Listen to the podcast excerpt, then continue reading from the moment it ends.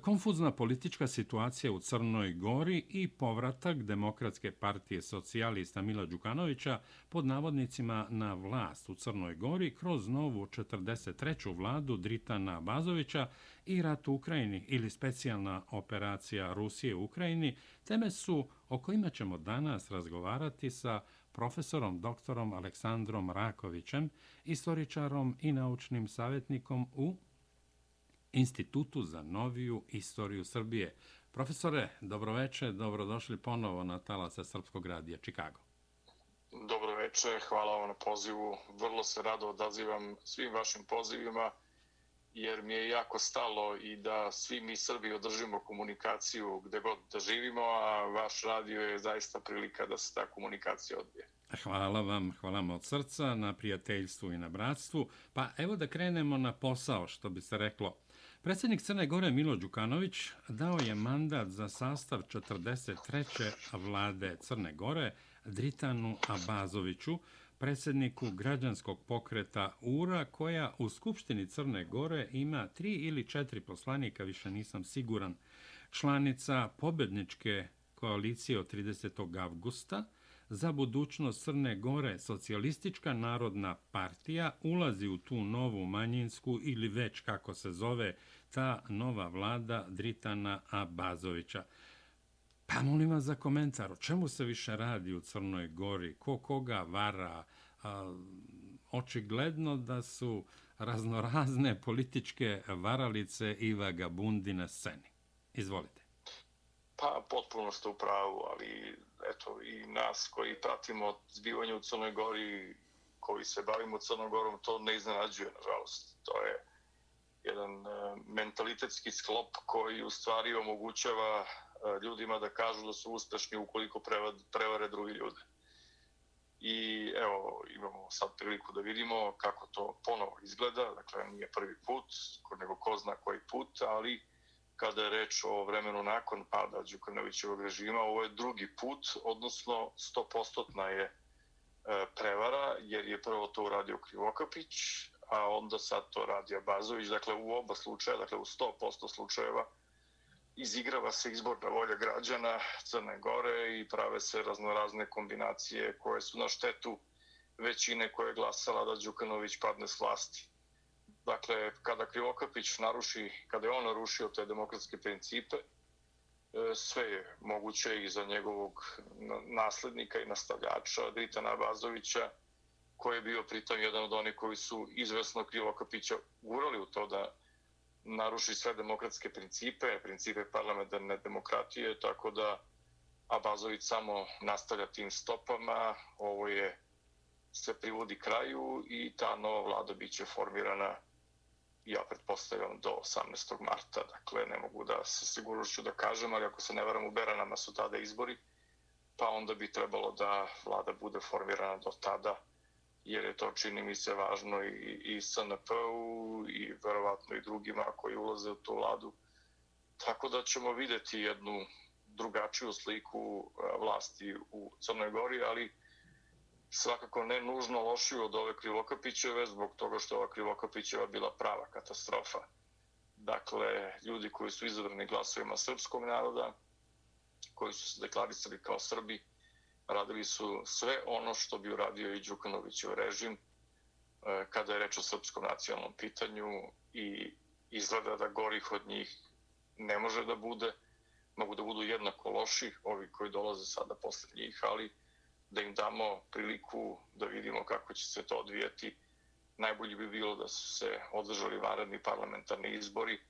Međutim, pošto to nije bilo moguće, izvesno je dakle, da je stvorena nova većina, onda je, eh, evo sad, ostaje nam samo da sačekamo i da vidimo kako će oni rasporediti snage u toj novoj eh, većinskoj koaliciji i novoj vladi. Profesor Rakoviću, juče je održana konferencija za štampu Demokratskog fronta. Govorili su Andrija Mandić, Milan Knežević i Nebojša Medović. Andrija Mandić je saopštio da ga je lider socijalističke narodne partije Vladimir Joković izdao i pozvali su da socijalistička narodna partija vrati mandate koje je osvojila zajedno na listi koalicije za budućnost Crne Gore. Vladimir Joković je saopštio danas nismo u koaliciji sa Demokratskom partijom socijalista, niti se Demokratska partija socijalista Mila Đukanovića vraća na vlast. Kako je to moguće ako ta nova vlada očekuje podršku poslanika Demokratske partije socijalista Mila Đukanovića u Skupštini Crne Gore? Pa evo, to je deo tog paketa. Demokratska partija socijalista će dati tu većinu, neće ući u vladu, ali će izvesno preko manjinskih stranaka moći da učestvuje dakle, u radu te vlade. Manjinske stranke su tradicionalni koalicijni partner Demokratskoj partije socijalista. E, kada je reč o odnosu Demokratskog fronta i Socialističke narodne partije, reč je o starom savezu još od 97. godine koje su imale Srpska narodna stranka tada i e, Socialistička narodna partija. I to je savezništvo dugo 22 godine ili 25 godina, pardon, tako da nadam se da će oni izgladiti nesporazume koji između njih postoje. E, po mom sudu, dakle, kada je već ovako do kraja bilo gotovo i Krivokapićeva vlada je pala zbog Krivokapićevih ogromnih propusta i izdaje volje birača koji su za njega glasali. Kada je već ta vlada morala da padne i kada je već stvorena ta koalicija, bolje je da makar neko od Srba uđe u tu vladu, ako je stvaranje te vlade nevinovnosti.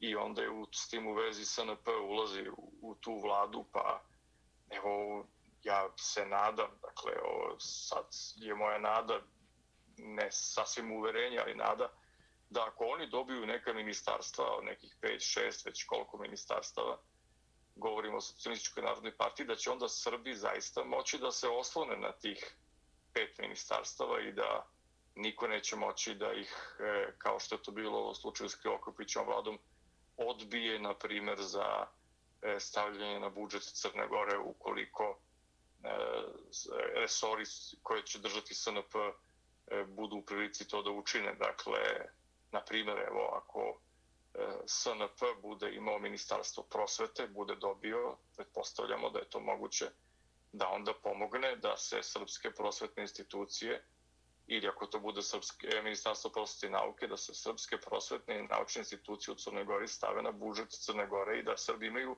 oslonac u budžetu Crne Gore s obzirom da su do sada isključivo bili ili skoro isključivo bili na budžetu Republike Srbije. Dakle, E, nije problem nikakav da Republika Srbija pomaže i dalje. Dakle, to je sigurno e, drago svima koji su na vlasti u Srbiji da pomognu našu braću u Crnoj Gori i Republici Srpskoj i drugde.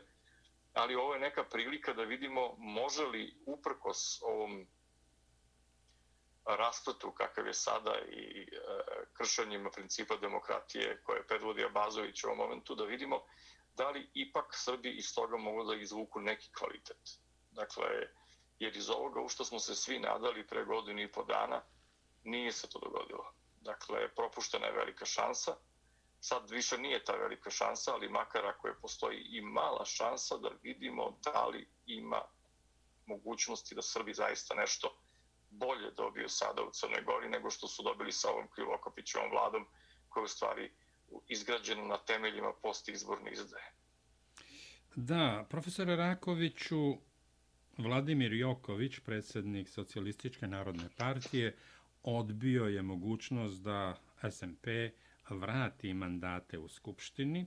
Demokrate Aleksa Bečića pozivaju na proteste. Međutim, ono što je interesantno, mediji u Crnoj Gori danas pišu da je moguć raskol u pokretu za promjene članici Demokratskog fronta, poslanica Branka Bošnjak saopštila je da će u Skupštini Crne Gore podržati, odnosno glasati za novu vladu, a na toj liniji je kako javljaju mediji Branko Radulović, koji je, čini mi se, podpredsednik pokreta za promjene, dakle, da bi i on dao podršku vladi Dritana Abazovića. Kako će se razvijati politička situacija u Crnoj Gori, imajući u vidu proteste na koje pozivaju demokrate. Juče je Milan Knežević rekao da treba oformiti neki pod navodnicima, čini mi se, štab za proteste, da je moguć raskol u pokretu za promjene, da li je moguće da se demokratski front raspadne?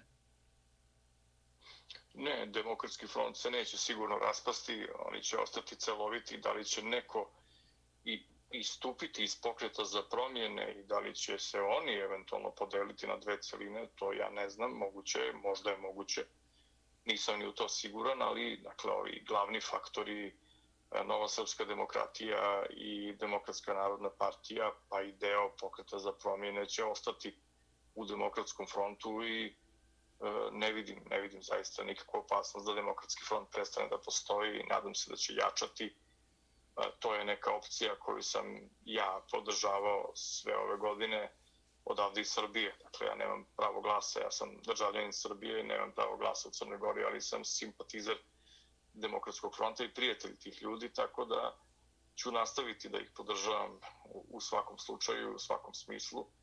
E, ali e, nešto se jasno događa u pokretu za promjene i nije to jedini put da oni glasaju drugačije, jer Branka Bošnjak je glasala za onu rezoluciju o Srebrenici.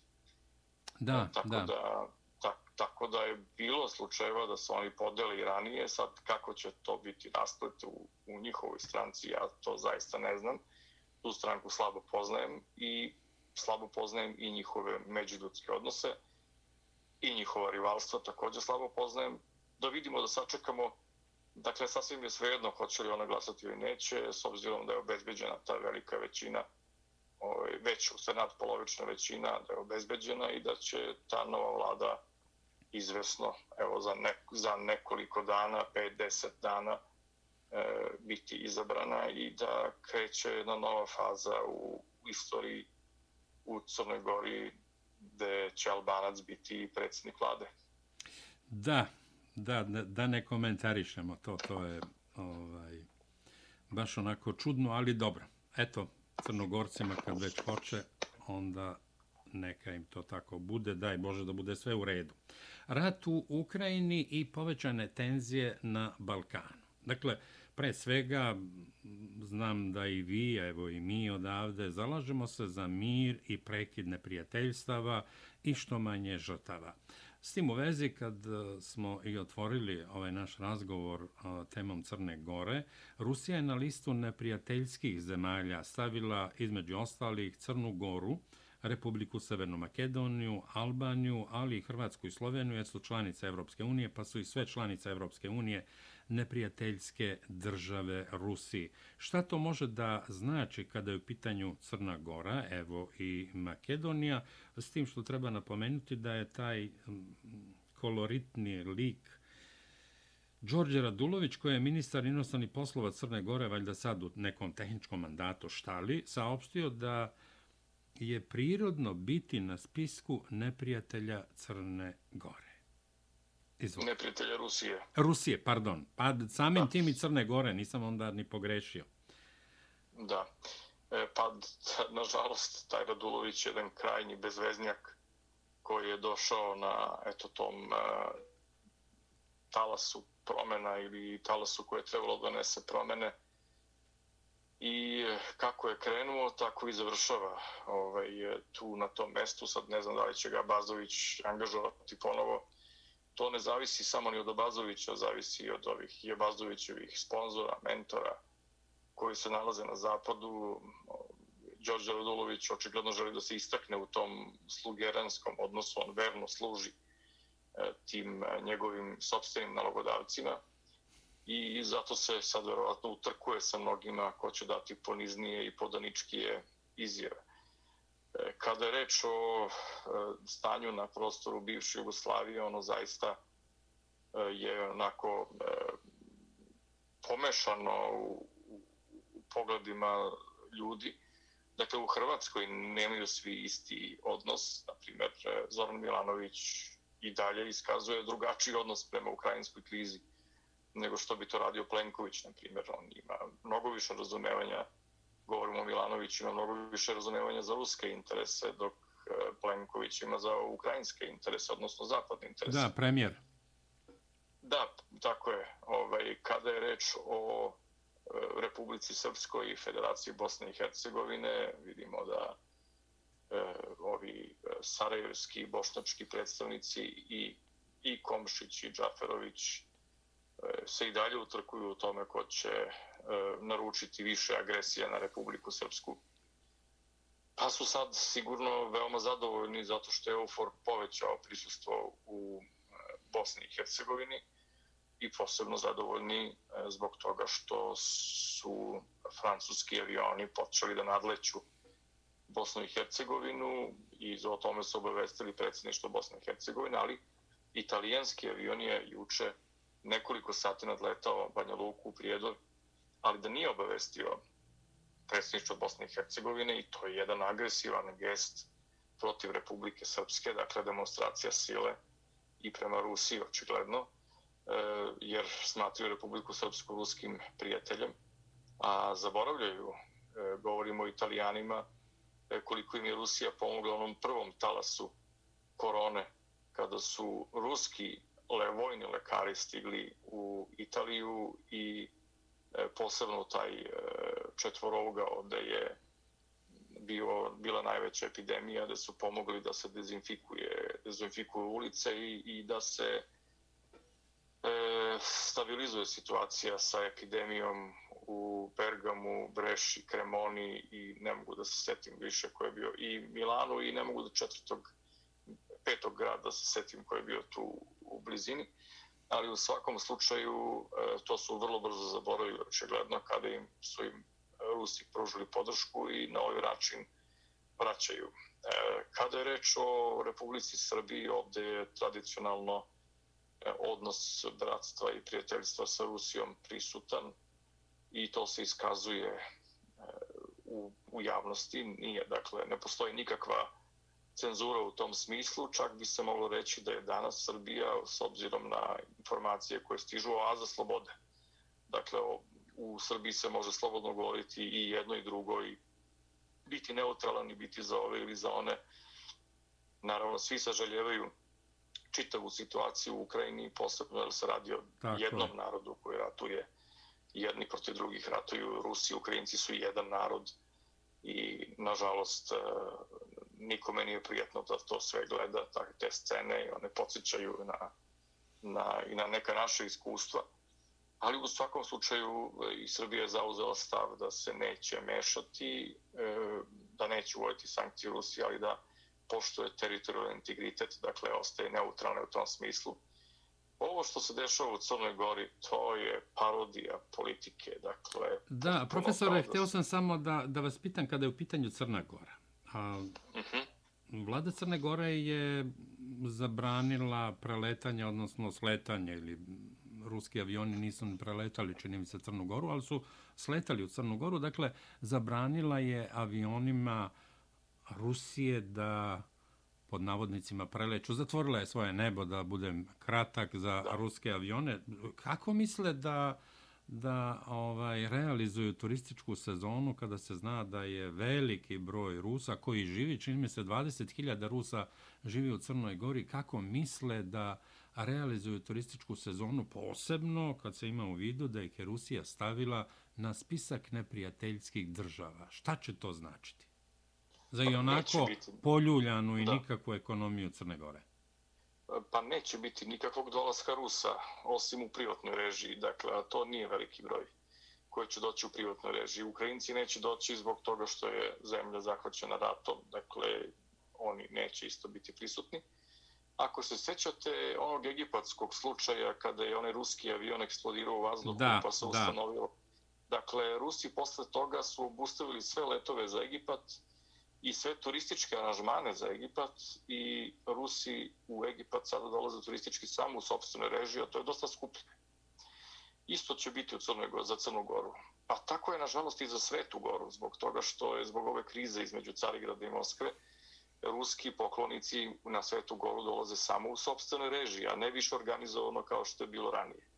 Tako će biti i za Crnu Goru. Dakle, oni će poštovati, prvo neće biti letova, kao što vidimo, E, neće biti verovatno ni nekih bajpaseva preko Air Srbije ili već kojim putem, jer će biti izdata preporuka da se ne ide u Crnu Goru ni u druge neprijateljske zemlje, kako ih je Rusija nazvala.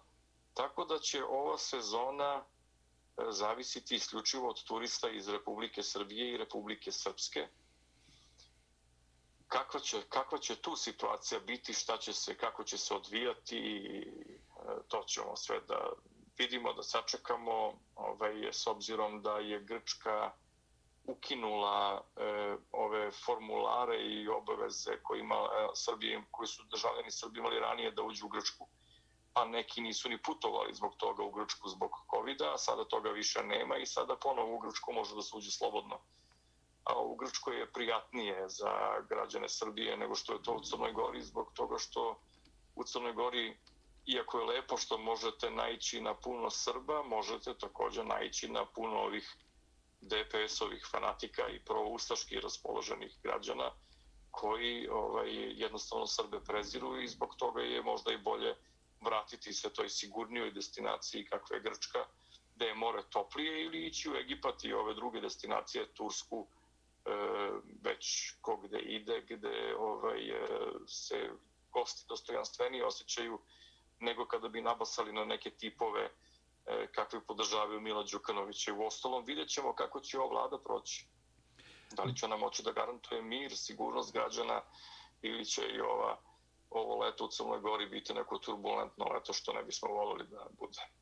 Da, profesore Rakoviću, izbalansiran stav Srbije po pitanju krize u Ukrajini, ne uvode se sankcije Rusiji podržana je rezolucija Generalne skupštine Ujedinjenih nacija koja, čini mi se, i nije obavezujuća o Ukrajini kojom se osuđuje ruska agresija na Ukrajinu. Dakle, Srbija je podržala rezoluciju, ali ne uvodi sankcije Rusiji. Ambasador Ruske federacije u Beogradu, Aleksandar Bocan Harčenko, danas je saopštio da Rusija nije srećna zbog toga, odnosno zbog glasanja za rezoluciju uh, Generalne skupštine Ujedinjenih nacija, ali da razume ogromne pritiske koje se, koji se vrše na Srbiju. Dakle, pored toga, Aleksandar Vučić je, čini mi se, danas izjavio da Srbija neće nikada ući u NATO. Vojna neutralnost je najveća vrednost Srbije. Dakle, Rusi razumeju pritiske pod kojima je Srbija, ali ono što je decidno i predsjednik Srbije, koji je sad i kandidat za predsjednika, je saopštio da je Srbija svoj stav o sankcijama Rusiji saopštila i da to ostaje nepromenjeno. Pa evo molim za komentar i ovih izjava predsjednika Srbije. Pa evo i kad smo krenuli od ruskog ambasadora, evo da i ja nešto kažem o tome što je on rekao, da, sigurno da Rusiji nije bilo prijatno što Srbija nije bila makar uzdržana. Po mom mišljenju, e, Srbija je trebalo da bude uzdržana, s obzirom da smo neutralni. Dakle, pošto smo neutralni, trebalo bi da budemo i uzdržani, ali to je moje mišljenje. Kao... Da, e, samo da dodamo, prostite, ovaj, 35 zemalja je bilo uzdržanih u e, Generalnoj skupštini, pet je bilo protiva, 141 zemlja bila je za ovu rezoluciju da. Generalne skupštine.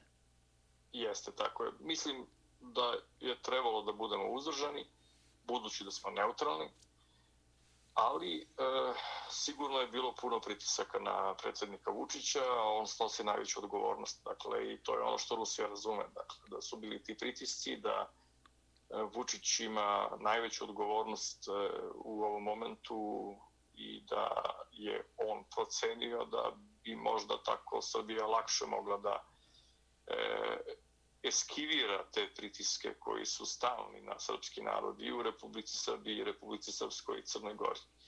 Kada je reč o NATO paktu, zaista to je, nije tema u Srbiji, nema nikakve šanse da Srbija uđe u NATO, niti ima šanse da Republika Srpska milom uđe u NATO, osim ako neko ne pokuša nasilje kako je doduše već sprovedeno u Republici Severnoj Makedoniji, jer oni su na referendumu odlučili da ne ulaze u NATO, a onda su ih ovi uveli u NATO.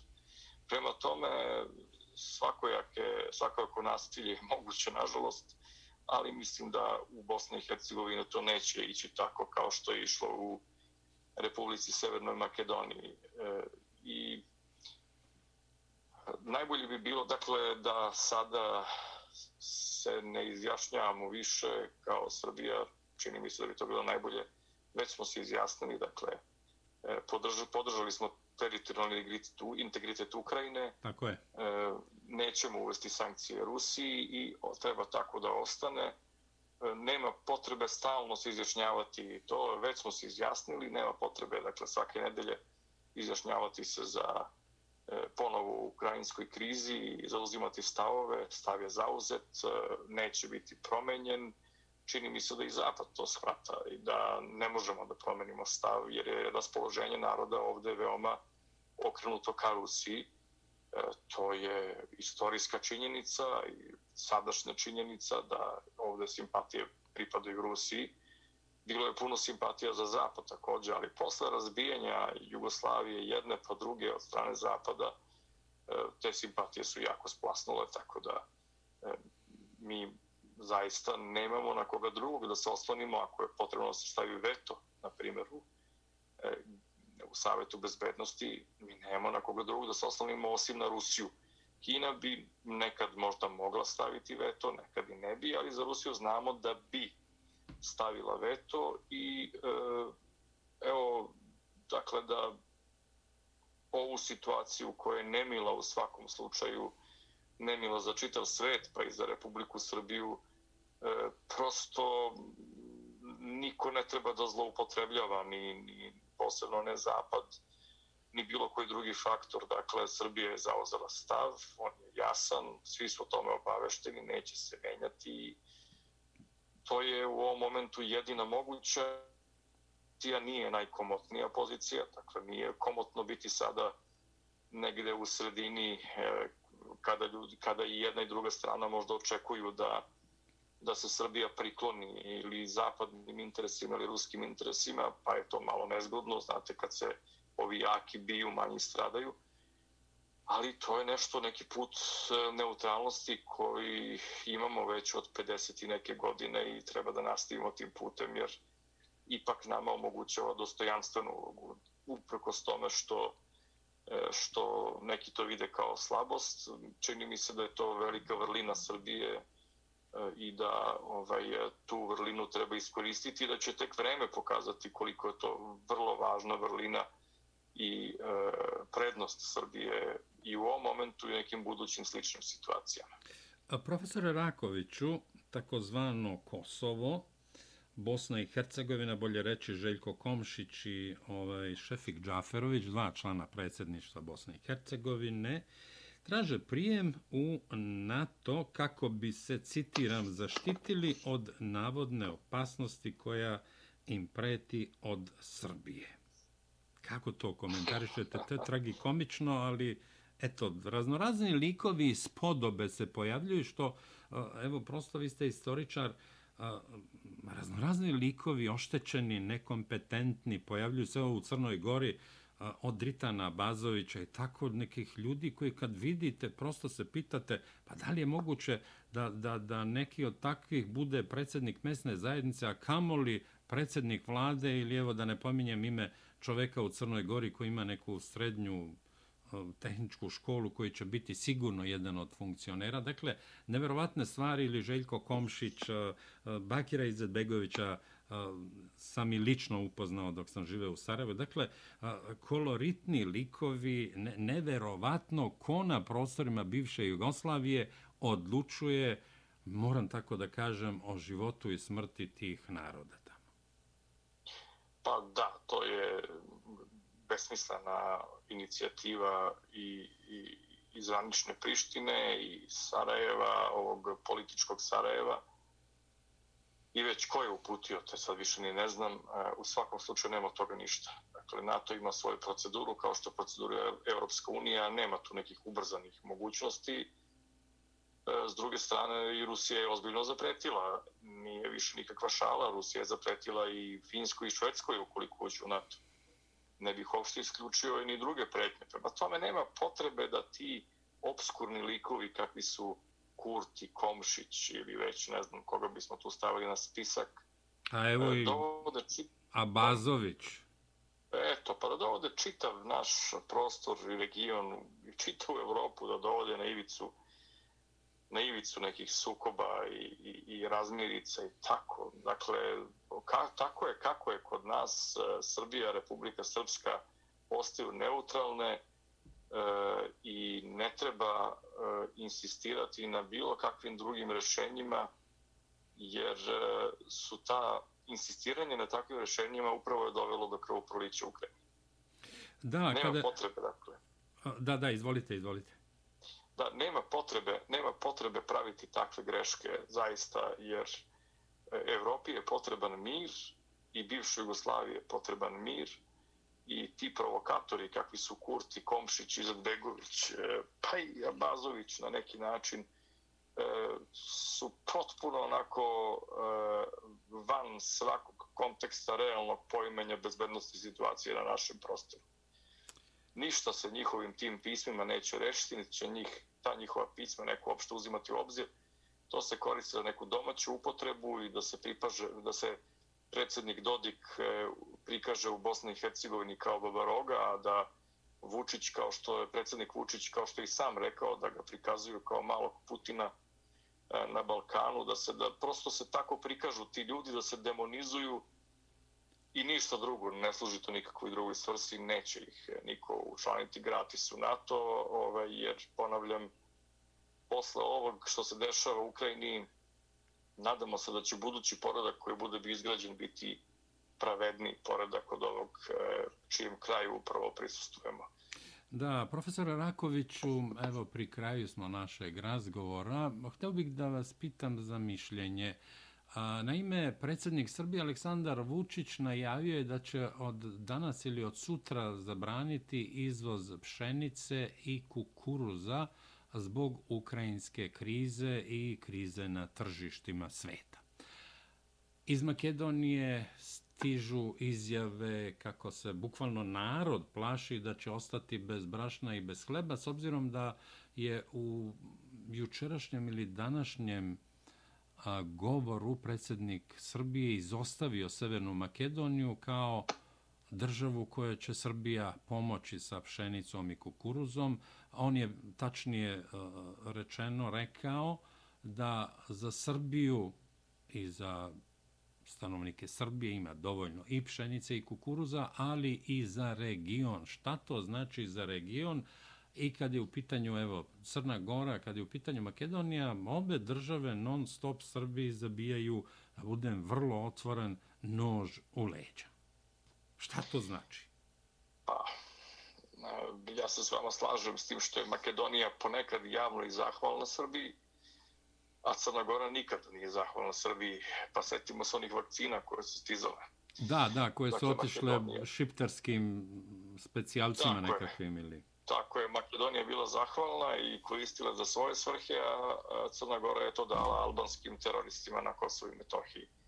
Dakle, e, ono što Srbija može da ponudi regionu, to bi najprije trebalo da se odnosi na Republiku Srpsku, ja se nadam. Da. Zbog toga što granica mi ne primećujemo, ne vidimo tu granicu, ne priznajemo je, dakle, smatramo sebe i jednom državom i Republika Srpska treba da ima sve ono što ima i Srbija, bez ikakve razlike. Kada je reč o Crnoj Gori, tu ako već pomažemo, treba da pomognemo e, opštinama da Srbi čine većinu.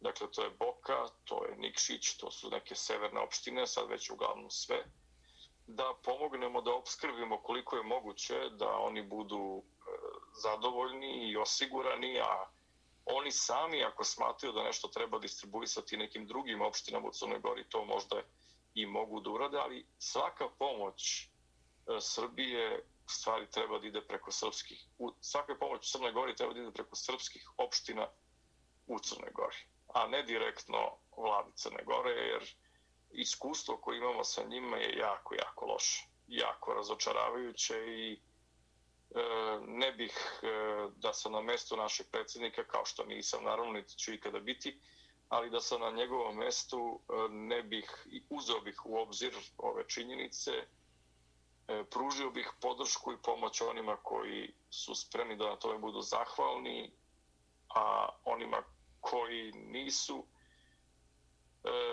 eto, možda bih našao te bypasseve da preko srpskih opština u Crnoj Gori se naravno nađe način da se pomognu i ovi drugi, ali od tih drugih nema nikakve vajde, oni neće biti zahvalni ni za, ni za šta, e, šta god da Srbija učini, e, ti neće biti zahvalni. Dakle, to je neverovatno. Prosto dugo se bavim Crnom Gorom, ali takav, takav bezobrazluk, takvu drskost, takvu bahatost e, nikada u životu nisam video na, na, drugim, na drugim prostorima i e, vraćam se na ono prvo pitanje koje smo imali oko političke situacije, kada sam vam rekao ono što je posebno tužno je da u Crnoj Gori, makar kod tih klika političkih, ali pretpostavljam i drugde u ovaj, e, u e, ovoj ekonomskoj sivoj i crnoj zoni, pa i drugde, važi pravilo da je uspešan čovek onaj ko preveli drugog čoveka. Dakle, to je prosto za ljude u Srbiji neshvatljivo, ali ja sam to lično doživao i na kraju video sam na primjeru i svi smo videli na primjeru Demokratskog fronta da na kraju e, Demokratski front koji je izneo tu pobedu biva nasamaren i da se uspešnim prikazuju oni koji su nasamarili Demokratski front i e, dakle umjesto da budu kažnjeni, umjesto da budu da budu ostrakizovani oni ti koji su prevarili te varalice e, bivaju glorifikovane kao osobe koje su mogle da stave demokratski front pod sobstvenu kontrolu i minimizuje se uspeh te srpske koalicije i tako dalje. Dakle, ja to nikad nigde nisam e, ni, ni, ni video, e, ni, ni, nisam ni čuo čak da postoje. Dakle, sigurno ima nekih takvih primjera u svetu, ali dakle, to što sam u Crnoj Gori video zaista to je zastrašujuće i ima e, tek nekoliko struktura na koje bih se tamo oslonio. Dakle, to je Demokratski front u prvom smislu te reči i te srpske opštine koje front kontroliše. To je uglavnom sva srpska pravoslavna crkva u Crnoj Gori. Znači, uglavnom sva, E, ne kažem sva zbog toga što ima ovih autonomaša koji koriste naš budžet Republike Srbije, ali rade protiv interesa Srpske pravoslavne crkve. I oslonio bih se na, naravno na neke kulturne i naučne ustanove srpskog naroda, ali sve u svemu e, na kraju i ovo što se događalo i sa koronom i sa izborima 30. augusta i ovde sada sa ovom velikom krizom ima i neku dobru e, dobar zaključak može da ima, to je da će se pročistiti e, slika i da ćemo razlučiti žito od kukolja i konačno shvatiti s čim raspolažemo u Crnoj Gori. I kada je reč o toj pomoći o kojoj predsjednik Vučić govori, kad ustanovimo i on verovatno već zna s čim raspolažemo, onda će na preko njih i tu pomoć uputiti. Da ste u vezi kad pominjete Crnu Goru i ovu drskost, bezobrazluk i već ne znam šta ste rekli, nadam se da ćete se složiti narod, pravoslavni makedonski narod u Republici Severnoj Makedoniji ili u Makedoniji je, rekao bih, izuzetno prijateljski raspoložen prema Srbiji i srpskom narodu. Neću da govorimo o političarima, o vladi, pretpostavljam da i oni nisu neprijateljski raspoloženi, ali su pod takvim pritiskom da mnoge odluke ne donose oni, nego se donose odluke iz Brisela ili iz Vašingtona. Naravno, izuzimam Albance koji žive u Makedoniji, koji sigurno nisu prijateljski raspoloženi prema Srbima i srpskom narodu, ali kada je u pitanju makedonski narod, ja, ja prosto imam uverenje da su izuzetno prijateljski raspoloženi, rekao bih, bar 80% prema Srbima. Da, potpuno ste u pravu. Dakle, kada je reč o makedonskom narodu, oni sebe čak i ne vide e, e, ne vide drugačijim od Srba. Ne zbog toga što nisu posebna nacija, jer su vremenom stvoreni kao posebna nacija, već zbog toga što je taj bratski odnos e, Srba i Makedonaca tako dubok da se te razlike i ne vide. I ono što je dobro od 1. januara 2023. u sklopu ovog otvorenog Balkana, mi više nećemo imati nikakve e, granične, administrativne ili kakve god kontrole između Republike Srbije i Republike Severne Makedonije. Dakle, prolazit će se iz e, zemlje u zemlju e, bez ikakvog pokazivanja dokumenta, što je važno i za nas u Srbiji i za našu braću u Makedoniji. Ja lično sam dosta govorio o makedonskom pitanju i crkvenom i etničkom i napisao sam o, o tom o makedonskom pitanju i deo jedne svoje knjige Srbi religijski intervencionizam.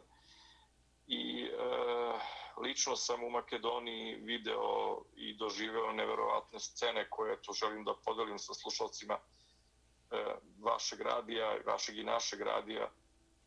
E, kada je bio jedan kongres srpskih i makedonskih historičara pre, čini mi se sad tri godine, ne mogu baš tri ili četiri godine, ja sam e, išao, bio sam pre toga, to je bio septembar, ja sam bio u Grčkoj s porodicom na moru i e, na kongres smo došli direktno iz Grčke, dakle sa odmora pravo u Bitolj i mene su zaustavljali na ulici ovi bajkeri VMRO, DPMNE-a, koji je ranije bio pro-bugarska, a sad pro-jugoslovenska opcija, čak bih tako mogao da kažem.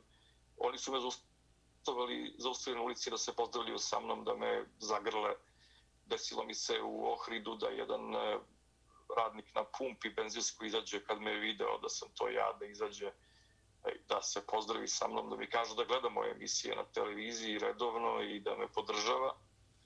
A i jedan primjer, znate, u Makedoniji, čak dva primjera, nažalost, oni imaju ulaznice kada se ulazi u crkve, na primjer u Ohridu i za Svetu Sofiju, u Ohridu i za Svetog Jovana Kane, ovog e, crkvu na, na Ohridskom jezeru. E, te crkve nisu žive kao što su ove kod nas u Srbiji i u srpskim zemljama, nego se prodaju ulaznice za ulaz kao da su muzeji, neki kulturni spomenici. I kada se već prodaju ulaznice, ja sad onaj proda, onu ženu koja sedi u tom uh, kiosku uh, pitam, ja joj kažem u stvari, evo, mi smo iz Srbije, pokažem na moju suprugu, znači nas dvoje smo ovaj, e, iz Srbije, vi prodajete karte za strane turiste i za domaće turiste. Vi nam sada prodajte kartu po svom nahođenju, kako god hoćete, da li za strance ili za domaće. I ona je rekla za vas, naravno, za domaće. I to su dosta niže cene ulaznica. A kada smo došli do crkve Svetog Jovana Kaneo, e, kada je Makedonka koja je bila na ulazu videla da smo Srbi, E, da pričamo na srpskom, ona je rekla samo ako ste došli da se pomolite Bogu, molim vas uđite, nemojte ništa, nikakva ulaznica vam nije potrebna. Tako da to sve govori o tom ličnim iskustvima koje ne, nemam samo ja, nego i drugi Srbi, ovaj, da se u Makedoniji osjećamo kao kod svoje kuće. E, ponavljam ono što sam rekao i na početku vašeg prethodnog pitanja. Znam da će nam, ako pomognemo Makedoncima, znamo da će nam biti zahvalni, najveći broj njih. Da će nam više procenata Makedonaca biti zahvalni nego oni onih e, takozvanih crnogoraca, kad tako moram da upotrebim taj, ovaj, da dovedem u pitanje čitav taj njihov identitet, jer upravo taj njihov identitet, taj kvazi identitet u Crnoj Gori, taj separatistički identitet, je doveo do toga da oni e, da oni čak i na ispuženu ruku Srbije uvek odgovaraju nekom e, nekim ujedanjem te ruke, izvinjavam se što sad tako žargonski govorim, ali osjetio sam to i na svojoj koži, pa imam malo tu i negativnih emocija koje, eto tako, čini mi se da imam potrebu da iskažem to na ovaj način kako sam iskazao, da verbalizujem tako, možda malo užarenije nego što bi bilo potrebno žargonski, ali naši slušalci će razumeti što sam teo da kažem. Da, evo, pri kraju smo našeg današnjeg razgovora. Ja moram da napomenem da je veliki broj ljudi ili makedonskog naroda iz Čikaga i okoline, ali iz Sjedinjenih američkih država u vreme NATO bombardovanja Savezne republike Jugoslavije, odnosno Srbije, bio sa nama na protestima, velikim protestima, gde je bilo, mislim, 30-40 hiljada, možda i 50 hiljada ljudi, odnosno Srba i srpskih prijatelja, da su u velikom broju bili makedonci koji su protestovali i da i ovde pokazuje zaista jedno veliko prijateljstvo. Mi imamo veliki broj slušalaca, posebno iz Bitolja, iz Prilepa, Ohrida, Skoplja, evo da ne zaboravim nekoga, ali veliki broj naših slušalaca su pravoslavni makedonci koji su poreklom iz Makedonije i ovde se oseti to prijateljstvo.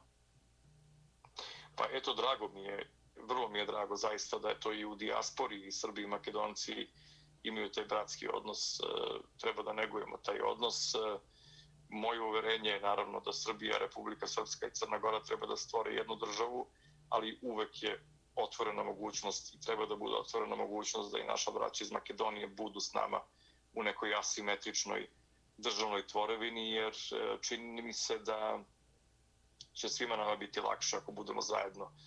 Kao ona priča o onim prutovima, ako su ti prutovi zajedno, ako su svezani, teže će ih neko prelomiti, a ako su ako su odvojeni, razdvojeni jedne od drugih, lakše će ih neko prelomiti. Dakle, e, srpski narod zaista ne odvaja Makedonce od sebe, e, smatra ih e, braćom i na mnogim primjerima smo to videli i evo da i podsjetim i naše slušalce iz Makedonije na jedan od tih primjera pre nekoliko godina kada je ova Makedonska pravoslavna crkva sa sedištom u Skoplju uputila apel e, svojim, svom narodu da ne nalaže više badnjak, jer je to paganski i srpski običaj.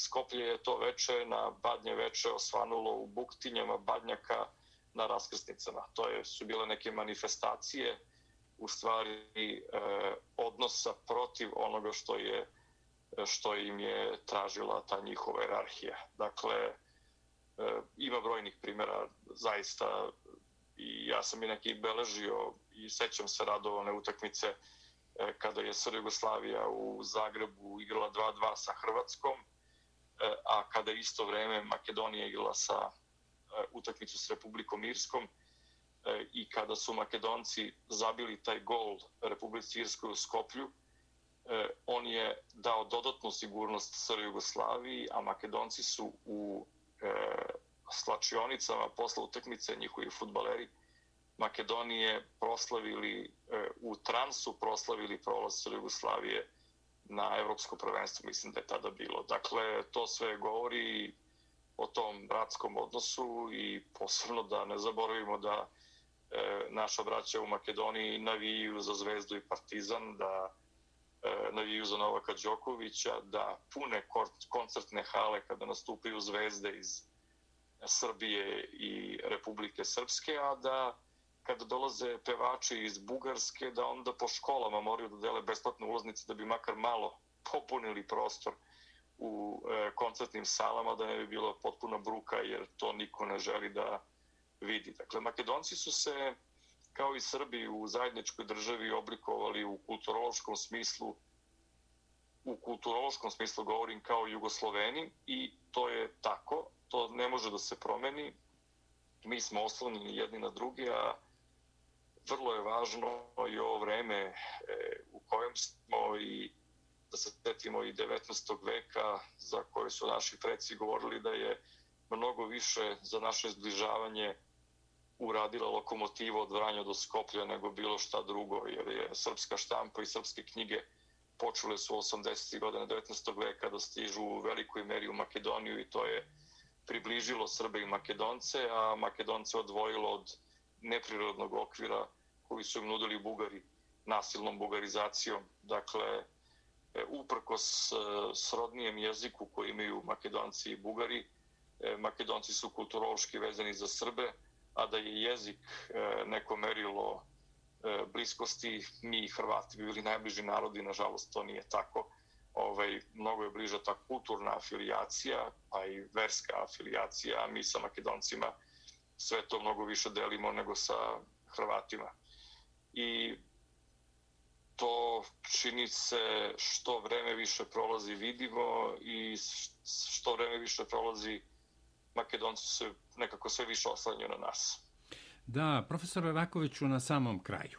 Da se vratimo na Ukrajinu, kratko. NATO je saopštio da neće u rat sa Rusijom zbog Ukrajine. Sjedinjene američke države su saopštile da neće ratovati sa Rusijom zbog Ukrajine.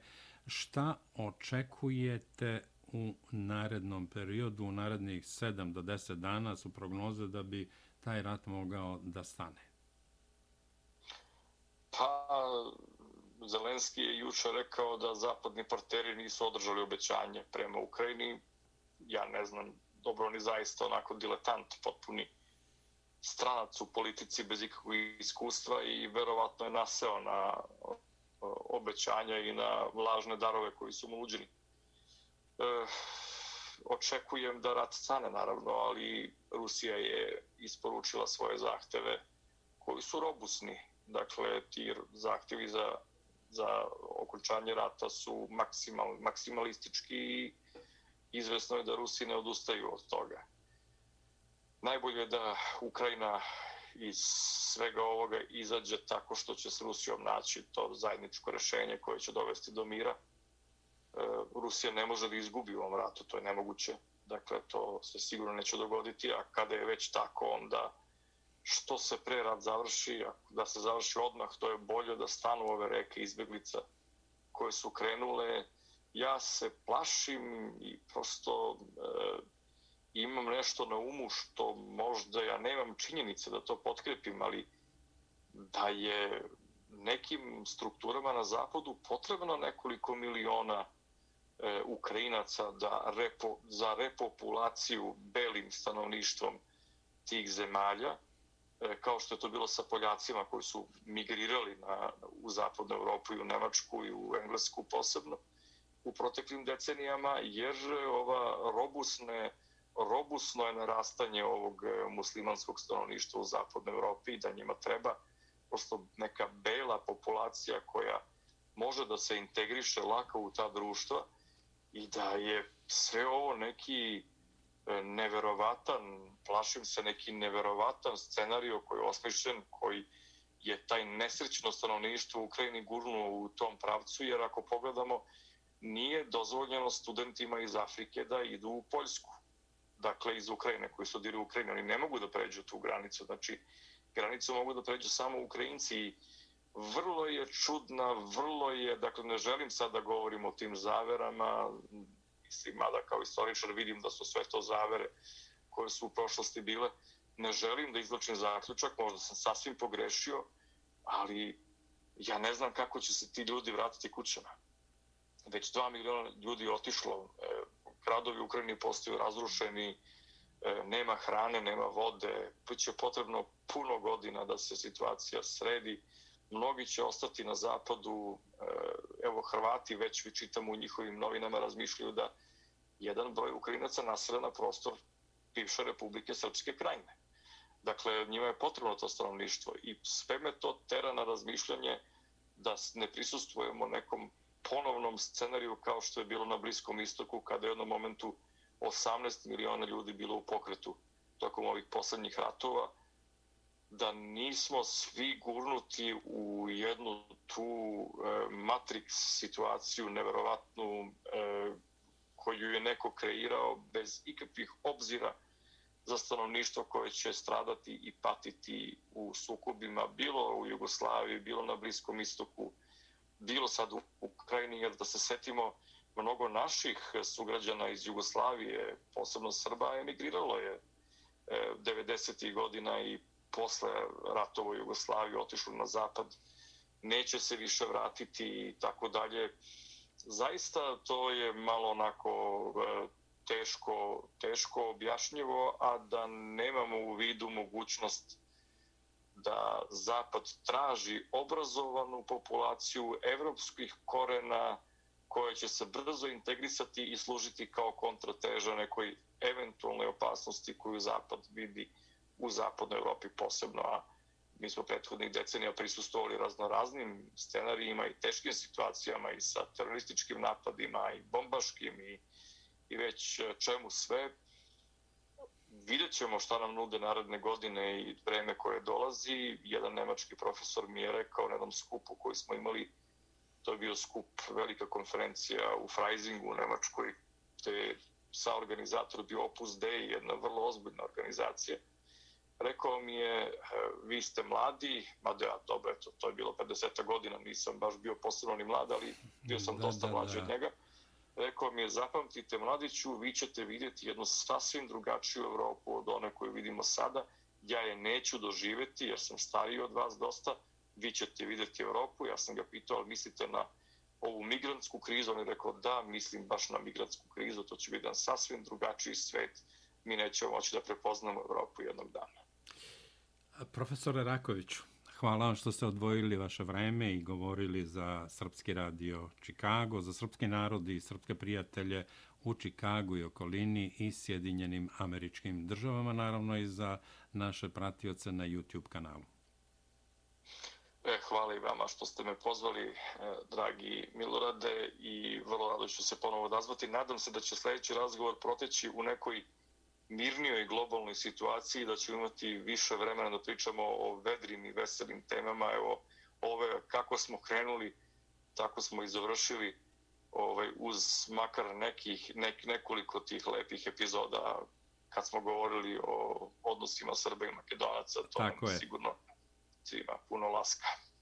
Tako je. Hvala vam, poštovani slušalci i pratioci našeg YouTube kanala.